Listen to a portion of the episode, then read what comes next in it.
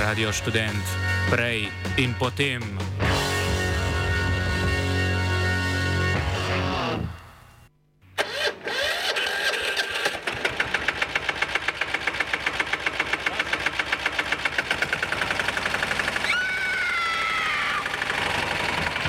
E, kaj pa je to? Ja, kultivator. Gre za neko vrsto apatije. To lahko reče samo kreten, noben drug. Socialni invalid in ga je ne mogoče urejati. Drugi kandidat. Pa, pa pije, kadi, masturbira, vse kako ti lahko reče. Nihče tega ne ve. Vsak petek skultiviramo dogodek tedna. Lahko po kriterijih radio študent, težko pa po evropskih kriterijih. Ampak na drug način, kot vi to mislite. Kultivator vedno užge. Da pač nekdo sploh omenja probleme, ki so, in da pravzaprav sploh nekdo sproži dogajanje uh, v družbi. To drži, drži.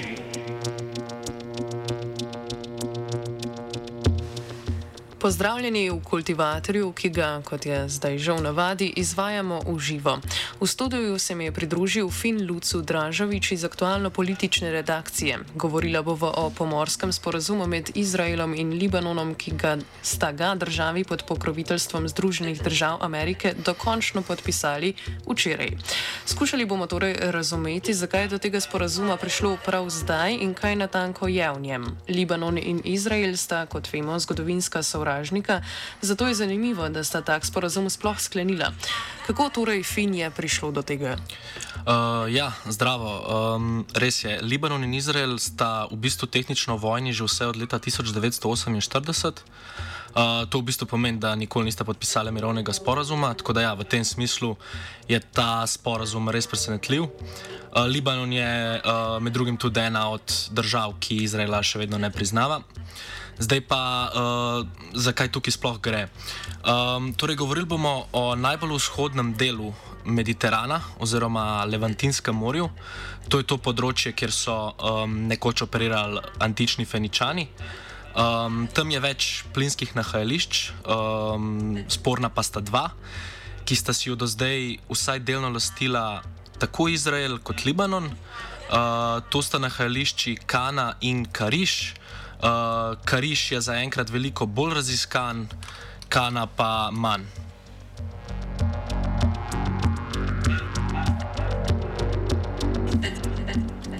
Zdaj, libanonska vlada uh, je še letos zagotavljala, da tega sporazuma, od katerega um, naj bi profitiral predvsem Izrael, ne bo podpisala, pa so se zdaj vseeno odločili za to.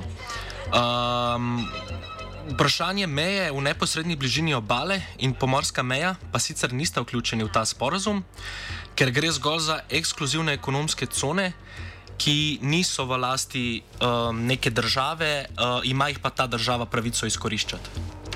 Pri tem pa, da je bil sporazum sprejet ravno zdaj, je zanimiv tudi, uh, zanimivo tudi to, da libanonski predsednik čez nekaj dni zaključi svoj mandat. V Izraelu med drugim pa smo priča eni od največjih političnih nestabilnosti v zgodovini države sploh. Ja, res je. Ja. Uh, predsedniku Libanona, uh, Mikelu Ajunu, se mandat izteče 31. oktober, torej um, čez tri dni. Um, tako da je v bistvu ta sporazum sprejel tik pred zdajci. Uh, v Izraelu pa bodo imeli uh, naslednji mesec že pete parlamentarne volitve v zadnjih treh letih, torej od leta 2019.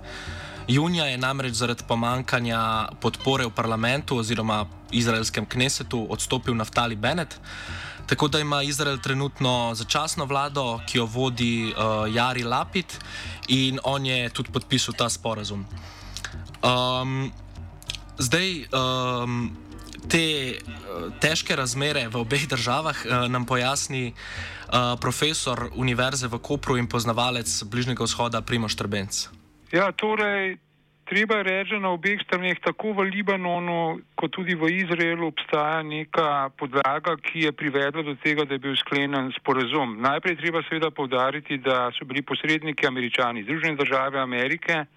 In če se ponavadi Združene države Amerike kot uh, najmočnejša svetovna sila lotijo to vrstnih zadev, torej vložijo mnogo energije, ker drugače trpi njihova, njihova integriteta oziroma njihov ugled.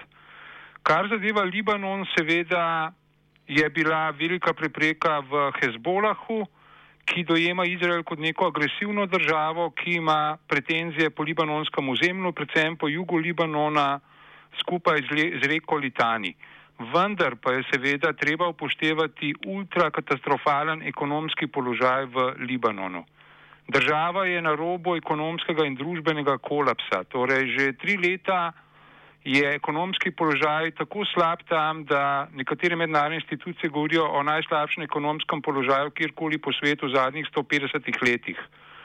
In v tem, torej v tem vzračju, ko je inflacija že dolgo časa dvomestna v Libanonu, ko libanonski fond tako rekoč nima nobene vrednosti več, ko je plača učiteljev v Libanonu 3 dolarje na mesec, seveda državi pravzaprav ne oprostane druga, kot da išče tiste najmanjše slamice za ekonomsko odrešitev in seveda tukaj ni težko ugibati izkoriščanje zemljskega plina na morju bi lahko Libanonu prineslo vsaj nekaj ekonomskega olajšanja.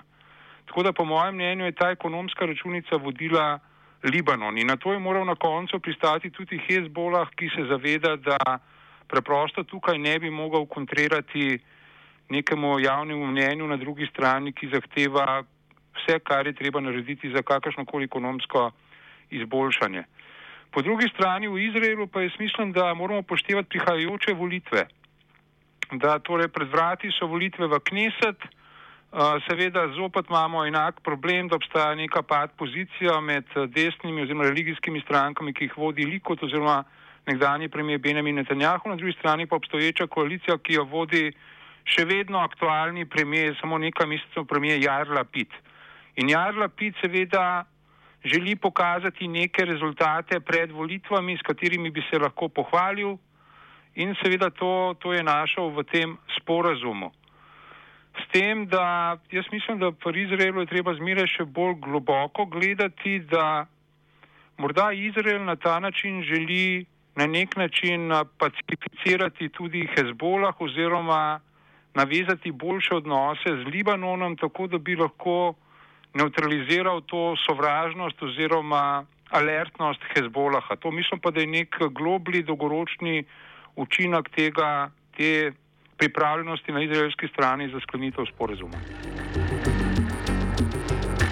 O očitno predvolilnih bombončkih ponovno nam je torej razložil eh, profesor Univerze na Primorskem oziroma profesor z Univerze na Primorskem Primoš Trbenc. Presenetljivo je pa tudi to, da je podpis sporazuma moral pristati eh, na podpis sporazuma moral pristati tudi Hezbola, ki ima pa v libanonski politiki ogromen vpliv, če prav razumem. Ja, eh, res je.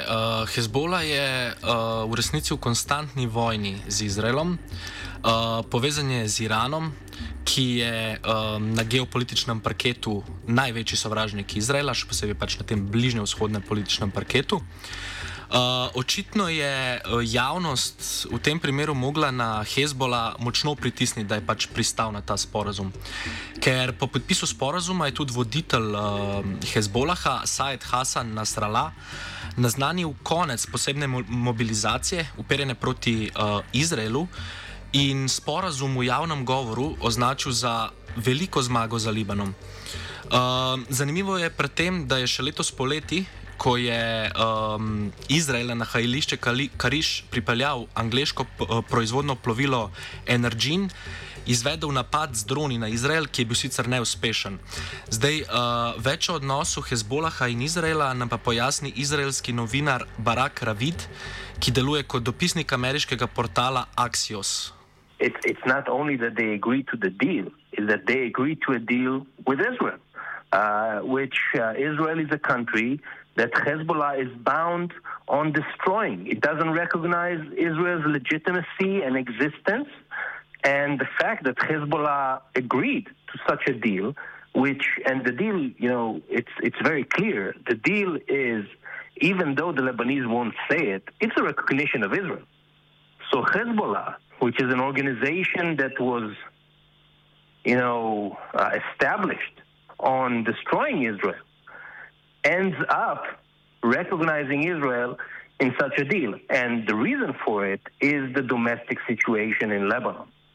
Because Hezbollah is under a lot of pressure, like other political players in the country, and they know that in the public in public opinion, this agreement is very popular because people in Lebanon need hope, and this deal gives them hope. Danes smo že omenjali državo, ki uh, ne zna nekako uh, se brigati za stvari pred svojim pragom, ne? torej pomes pred svojim pragom. Uh, torej, uh, sledi, kako pa je na sporozum vplivalo to, da so pri njem posredovali Združene države Amerike? Ja, zdaj poznamo prijateljske odnose in pač gospodarsko sodelovanje, ki temu priteče med Združenimi državami Amerike in Izraelom. Zdaj, profesor Štrbenc je že prej povdaril, da ima ZDA kot svetovni hegemon tendenco potem, da ureja to vrstne spore. No, uh, Ravit pa nam pojasni, da kljub številnim ugibanjem, uh, razlog za to. Za ta sporozum ni energetska kriza, kateri smo priča trenutno v Evropi, saj se v obeh dveh nahajališčih, torej v Kani in Karišu, ne nahajajo neke velike količine plina. A lot of people say that uh, I'm not saying it's you know not connected at all. But to be honest, at least from the assessments that I know, uh, the amounts of natural gas in this area are not that big that they are relevant for you know being exported uh, to Europe.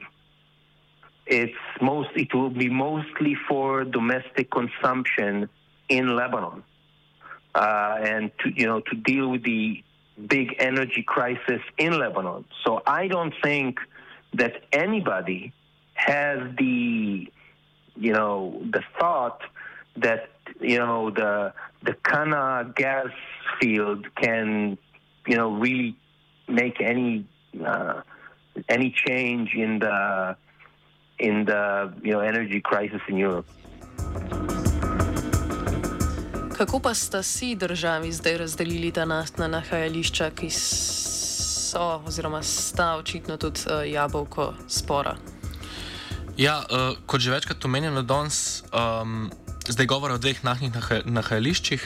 Prva je južnejša, torej Kariš, ki zdaj po tem sporazumu v celoti pripada Izraelu in je že raziskana, torej pač pripravljena na črpanje plina. Izrael v resnici že zdaj, medtem ko se mi pogovarjamo, uh, začel z naftnim uh, izčrpavanjem. Um, in zanimivo je to, da si je Libanon v bistvu še pred kratkim lastil Kariš, uh, Hezbollah pa je grozil z napadi, ukolikor bi Izrael uh, začel tam črpati plin. Potem pa je tukaj še Kana, uh, ki pa je v bistvu zdaj razdeljena med uh, obe državi. Ta južnejši del bo pripadal Izraelu in uh, zdaj glavni problem tega, eh, severni pa seveda Libanonu, uh, glavni problem tega sporazuma je pa ravno to, kdo um, bo sedaj upravljal s tem, oziroma kako si bodo, kako si bodo državi delili profit. Zdaj v sporazumu je napisano, da mora v bloku 9, torej to je tam, kjer je nahajališče Kana. Uh, delovati neko tuje podjetje, ki ni iz države, ki je pač pod nekimi mednarodnimi sankcijami. Naprimer, eno tako podjetje je francosko Total Energies. Um, ampak ekskluzivno pravico izkoriščanja kane boš, bo imel Libanon. Um, in s tem tujim podjetjem, ki bo opravljal s tem, opravljal s tem nahajališčem, bo Izrael kasneje podpisal sporazum za neko kompenzacijo, popolnoma ločeno od Libanona. Uh, med drugim se bo odprlo tudi polje za nove naftne korporacije. Zanimivo pa je, da um, veliko naftnih korporacij, še posebej na Bližnjem vzhodu, uh, prihaja naprimer iz držav kot je Katar, ki pa še zmeraj ne priznava Izraela. Več o tem nam pojasni Ravid. Yeah, I mean, basically, what's going to happen as part of the deal is that uh, Total, the French energy company, will just buy out the Israeli part of the uh, Kana gas field, um, which is estimated at around 17%. Um, so basically, um, once uh, natural gas in you know commercial amounts will be found there. It's a big if. We still don't know if there is uh, you know, any uh, commercial amount of natural gas in the Kana field. But let's say there is. So once we know that once the production starts, Israel will get 17% from the estimated revenue. Okay, but like, correct me if I'm wrong, but there are also like some Russian companies present uh, in these seas. Like, there were, there were. The Russian companies want to get out, uh, and now one of the main question marks is who's going to come in. It's, I think, it's something around 20% of the consortium, the consortium of companies that are working there in the Kana field. 20% was owned by a Russian company. The Russian company wants out. Um, and now the question mark is who's going to take those 20%? I think that, you know, uh, uh, natural gas companies from Qatar uh, want uh, to be part of this 20%. And it will be an interesting uh, development because the, the agreement also gives Israel veto power over which companies will be involved in the gas exploration and production because any gas exploration will uh, the companies that are uh, will be involved will have to cross to the Israeli side in order to uh, do the exploration and the production. So Israel needs to approve, and according to the agreement, uh, countries that do not have diplomatic relations with Israel will have a problem being involved.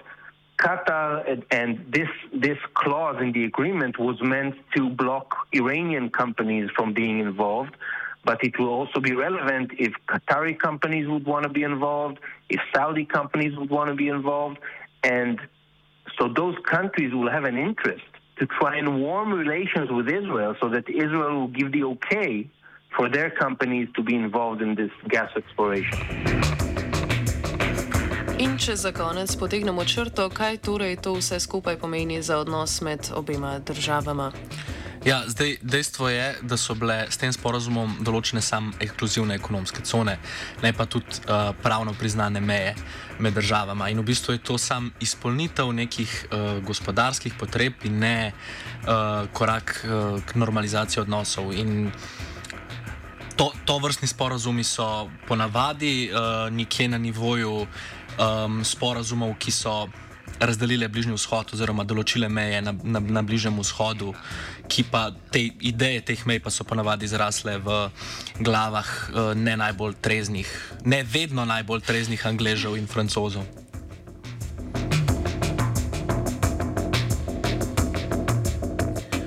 Tako da prišli smo do konca današnjega kultivatorja. Um, jaz se bom iz studija poslovil, uh, živa bo ostala tukaj, tako da ostanete na 89,3 MHz. Čau!